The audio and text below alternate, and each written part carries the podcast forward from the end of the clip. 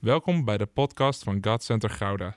Vanaf deze plek willen we jou inspireren, motiveren en activeren om op een praktische manier je dagelijks leven met God vorm te geven.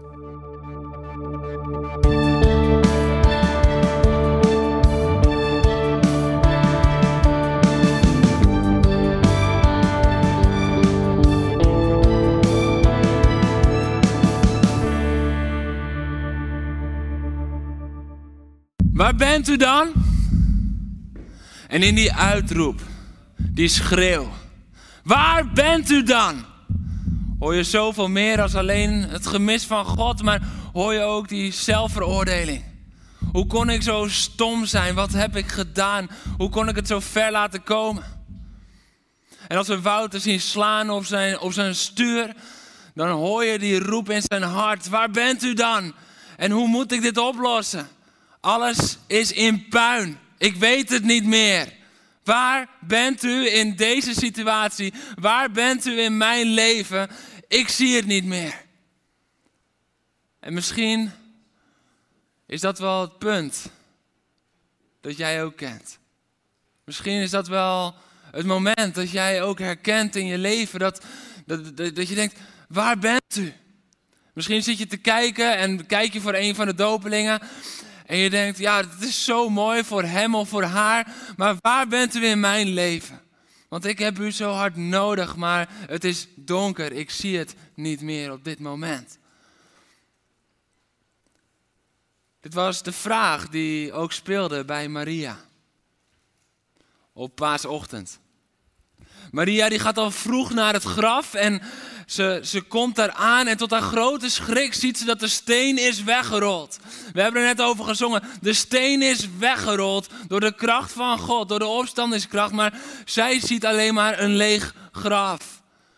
Ze ziet dat de steen is weggerold en in paniek rent ze terug naar Petrus en Johannes. En ik stel me zo voor dat ze buiten adem daar aankomt en zegt, de Heer, ze hebben hem weggehaald. Hij is weg. Waar is hij dan? Ze zijn in paniek. En Petrus en Johannes die snellen naar, naar het graf toe. Ze, ze rennen en, en, ze komen daar en het graf is leeg. Het graf is leeg.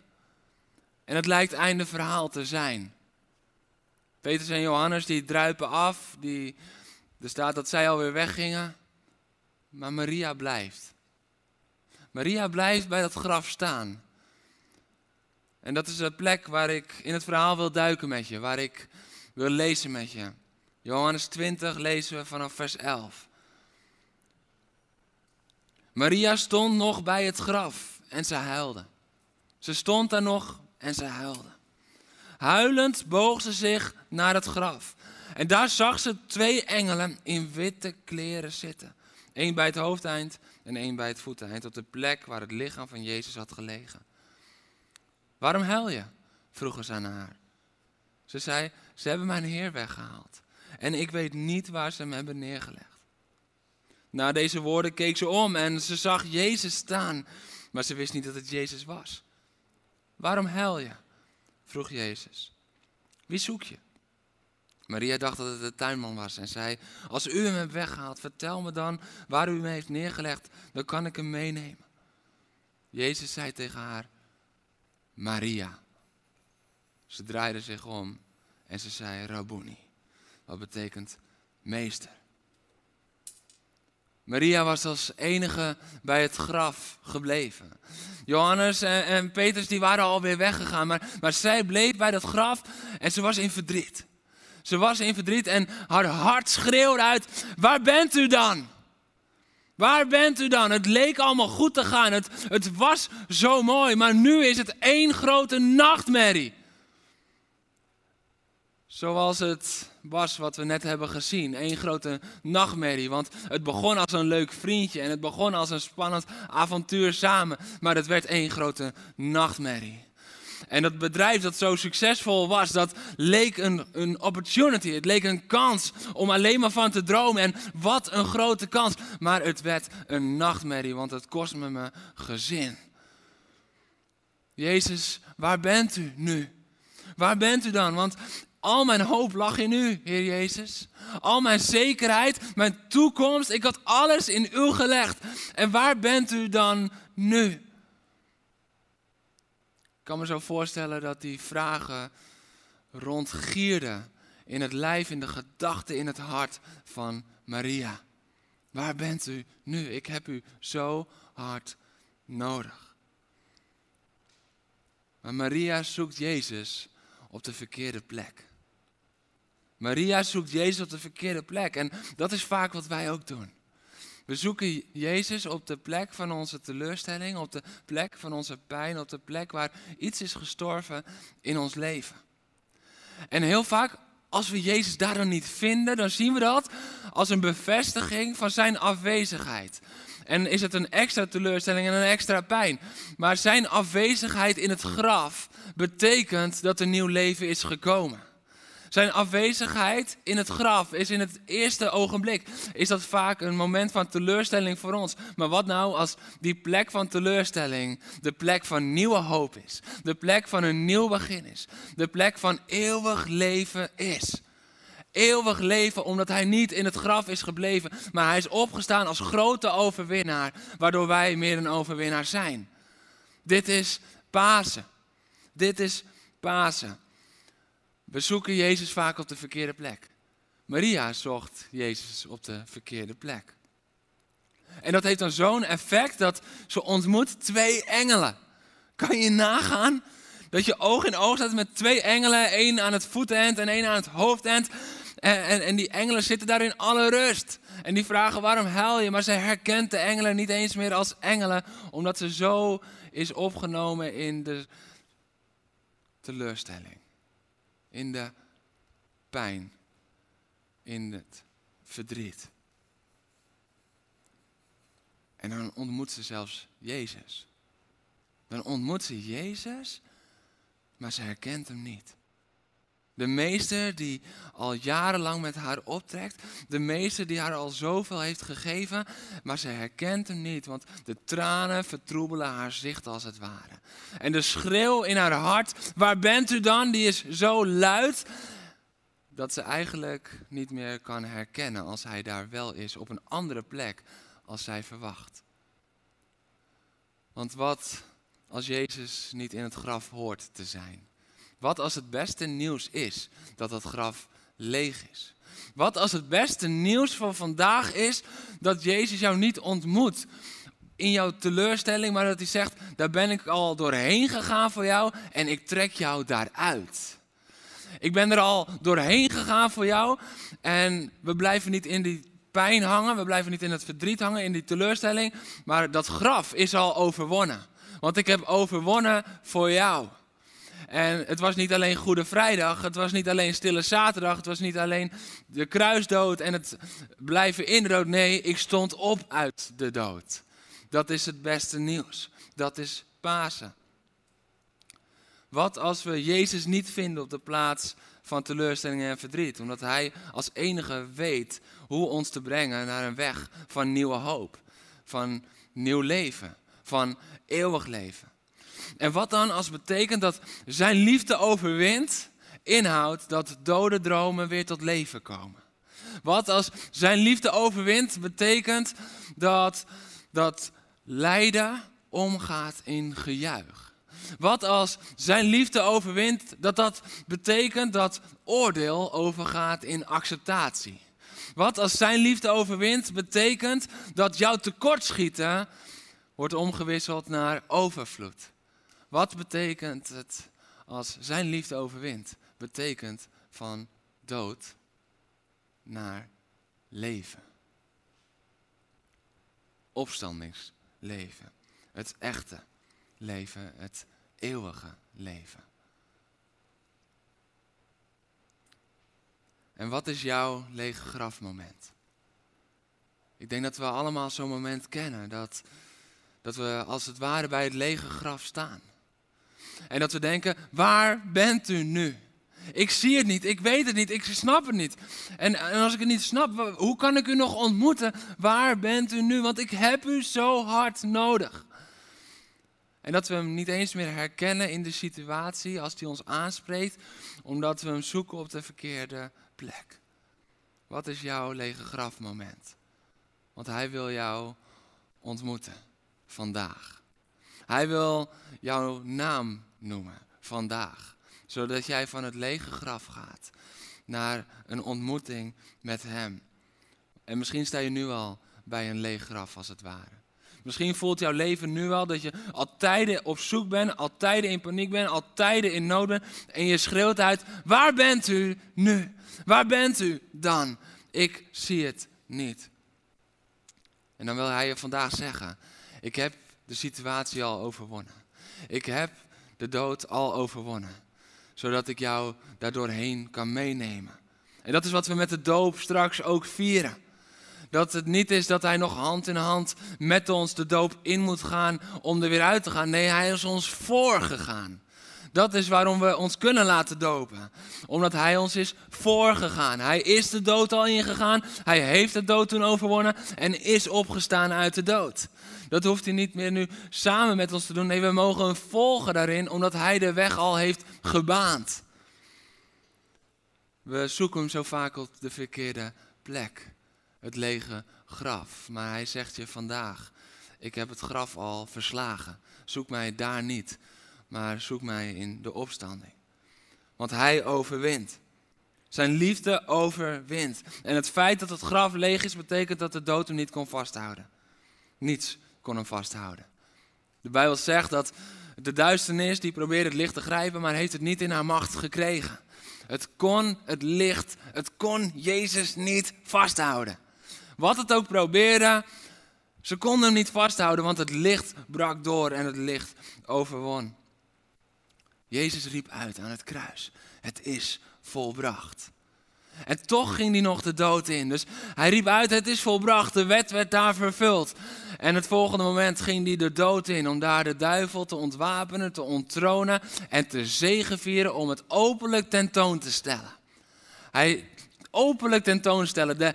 Alles daar in de hemelse sferen, in, in, in de doodrijk, alles in de geestelijke wereld moest weten, Jezus is de grote overwinnaar.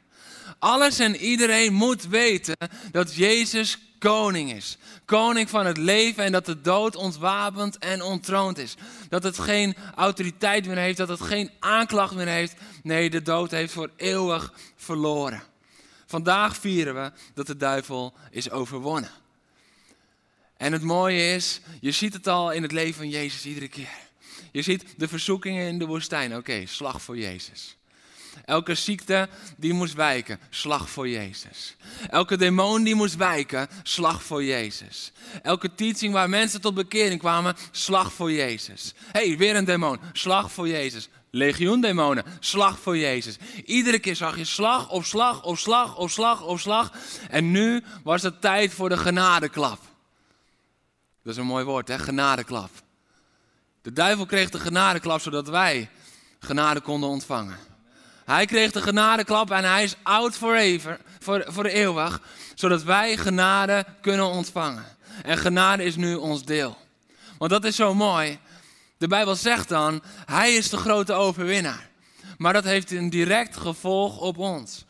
Want, moet je opletten, als zijn liefde geeft, hebben we het vrijdag over gehad, als zijn liefde geeft, en de Bijbel zegt dat hij liefde is, dan heeft hij dus zichzelf gegeven en hij heeft overwonnen, dus dan heeft liefde overwonnen. En als die liefde overwint, zijn liefde overwint, als Hij dan nu in ons leeft, leeft liefde nu in ons. En is die overwinning ook in ons. Wij overwinnen nu ook.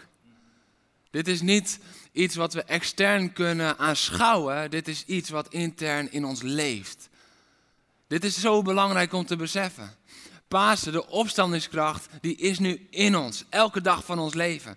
Dit is niet iets wat we één keer in het jaar mogen vieren met elkaar en, dan bejubelen. Nee, dit is waar we elke dag uit mogen leven. Want Hij heeft zichzelf gegeven en Hij is liefde.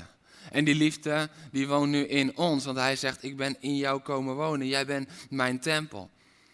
En Pasen is dan niet het feest dat we aanschouwen hoe de Heer overwint. Nee, Pasen is het feest dat wij delen in zijn overwinning. En dat we in opstandingskracht gaan leven met elkaar. Zoals Romeinen 8 het zo mooi zegt, wij zegevieren, wij overwinnen in dit glansrijk. Glansrijk. Dankzij Hem die ons heeft liefgehad. En niets kan ons dan nog scheiden van de liefde van de Heer. Of het nu dood is, of leven, of machten, of krachten, heden of toekomst, hoogte of diepte. Wat er ook in de schepping is, niets kan mij nog scheiden van de liefde van de Heer. En misschien ben je thuis of zit je hier en dan denk je, ja maar Jeroen, ik heb, niets kan jou scheiden van de liefde van de Heer. Ja maar Jeroen, je hebt geen idee, zijn liefde overwint. Ja maar wat ik heb gedaan, nee, wat hij heeft gedaan. Zijn liefde overwint. Ja maar als je zou weten wat ik gisteren, nee maar ik weet wel wat hij vandaag. Hij stond op uit de dood en daarin mag jij delen. Dit is zijn liefde overwint. Waar jij ook mee struggelt. Wat jij ook hebt gedaan in je leven. Waar je nu ook nog mee worstelt. Wat je misschien 15 jaar geleden hebt gedaan. Wat je nog steeds probeert aan te klagen. Zijn liefde is groter. Zijn liefde is sterker. Zijn liefde overwint. Want zijn liefde is voor jou. Dit is Pasen. En dat is waar we elke dag uit mogen leven. Of je nu vandaag je hart aan Jezus wil geven, of dat je het 15 jaar geleden, of 20 jaar geleden, 25 jaar geleden al hebt gedaan. Wij mogen leven vanuit die zekerheid. Weet je, en soms hebben we het beeld alsof God liefde is en betrokken is op het moment dat Hij ons redt. En daarna verandert Hij weer in een strenge God, waar we zijn liefde en zijn gunst moeten verdienen. Alsof hij een werkgever is die tijdens een sollicitatiegesprek van allemaal mooie beloftes doet. En, ja, en je kan trainingen volgen, je kan je ontwikkelen en promotie. En ik heb dit plan voor je uitgestippeld. En zodra je je handtekening hebt gezet, dan gaat het alleen maar om werkdruk en presteren. En al het andere moet wijken. Soms zien we God zo, weet je dat? En vergeten we dat zijn liefde en zijn genade voor ons precies hetzelfde is als op de dag dat wij ons leven aan hem gaven. Zijn liefde wordt niet minder. Zijn acceptatie wordt niet minder. Zijn, zijn, zijn alomvattendheid wordt daarin niet minder. Hij is liefde. En de Bijbel zegt dat hij onveranderlijk is. Dus hij kan ook niet veranderen, want dit is wie hij is. Hij is liefde. Hij kan niet anders als in liefde wandelen en geven. En vandaag is vers 16. Vandaag is vers 16. Waar Jezus Maria ontmoet. En Jezus zei tegen haar, Maria. Ik kan me zo voorstellen dat Maria, die was huilend. Ja, en waar heeft u hem dan neergelegd? Want ik wil, dan kan ik hem meenemen. Maria. En op dat moment, als Jezus jouw naam uitspreekt, valt al het andere weg.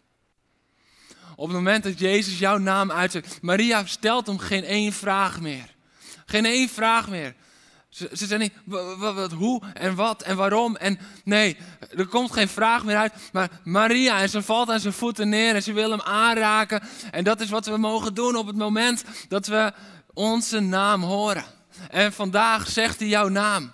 Hij zegt vandaag Bart, Esme, Naomi, Harro, Pieter.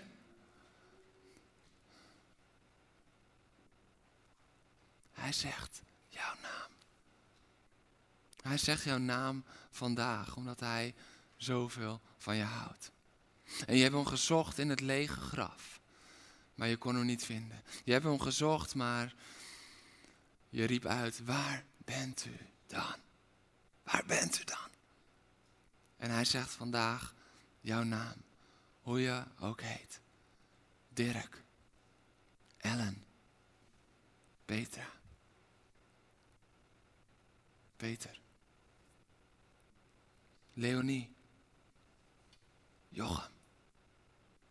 Kom bij mij, mijn kind. Ik ben hier voor jou. En dan vallen alle vragen weg. Dan valt elke teleurstelling weg. Dan is elke dood weg. Want zijn liefde herstelt. Zijn liefde deelt. Zijn liefde geeft. Zijn liefde strijdt. Zijn liefde overwint. Zijn liefde overwint. En ik wil je vandaag een vraag stellen. Als jij zijn liefde wil aannemen. Als jij zegt, ik heb die redder die voor mij aan het kruis ging, heb ik nodig. Die, die, die redder die, die de dood inging en uit de dood opstond. Want ik heb zijn liefde nodig in mijn hart. Dan is vandaag de dag dat hij jouw naam roept. Dan is vandaag de dag dat hij tegen jou zegt, kom bij mij. En dan vallen alle andere vragen weg, want dan neemt hij jou op in zijn liefde. En vandaag is de dag dat hij jouw naam roept. En ik wil je vandaag de gelegenheid geven om daarin je hart aan hem te geven. En sterker nog, ik ga je een andere gelegenheid geven. Als jij zegt, ik wil bij hem horen. Ik wil hem volgen elke dag van mijn leven. En ik voel dat dit de dag is voor mij om mijn leven aan hem te geven. En misschien ook wel direct te laten dopen. We gaan zo dopen. Als jij binnen een kwartier in de kerk kan zijn, dan nodig ik je uit om op de fiets te springen, in de auto te springen, iets te hard te rijden en hierheen te komen. Dat knippen we eruit, dat iets te hard te rijden. Om hierheen te komen. Want vandaag is jouw dag. Vandaag is de dag van de opstanding. En dat willen we vieren. Want met de doop delen we in zijn dood, delen we in zijn opstanding. Omdat hij niet nog in het graf is op dit moment om jou te ontmoeten. Nee, hij is al uit het graf, want hij is al uit de dood herrezen. Als jij je hart aan hem wil geven, wil ik je vragen om met me te bidden. Ik zal het voorbidden. Ik wil vragen of de mensen in de zaal ook me willen nabidden om backup te geven en bid het thuis vooral mee. Want lieve Heer Jezus, hier ben ik. En zo lang heb ik uitgeroepen. Heer, waar bent u dan? Maar vanochtend heeft u mijn naam genoemd. En dat is genoeg voor mij. Dank u dat u mij bij naam heeft geroepen. Ik neem u aan als mijn redder, als mijn Heer. Vergeef me mijn fouten. Vergeef me mijn zonde. Ik leef nu voor u. Was mij schoon. Ik wil u volgen, Heer. U bent mijn redder. U bent mijn Heer. U bent mijn koning. In Jezus' naam. Amen. Amen. Als jij dit net hebt meegebeden en je verlangt ernaar om gedoopt te worden in de naam van de Vader, in de naam van de Zoon, in de naam van de Heilige Geest. Of je hebt het al tijdenlang geleden gebeden, maar je hebt zo dat verlangen vandaag. Dan zeg ik, kom snel hierheen, kom, kom binnenrennen en we willen je dopen. In de naam van de Vader, de Zoon en de Heilige Geest. En Hij is onze levende hoop geworden. Hij is onze levende hoop over wie we zullen zingen met elkaar. Living Hope. Bedankt voor het luisteren naar deze podcast. Volg ons op onze kanalen om verbonden te blijven. Heeft deze aflevering jou geraakt? Deel dan op je socials en tag ons, zodat we samen meer mensen kunnen bereiken.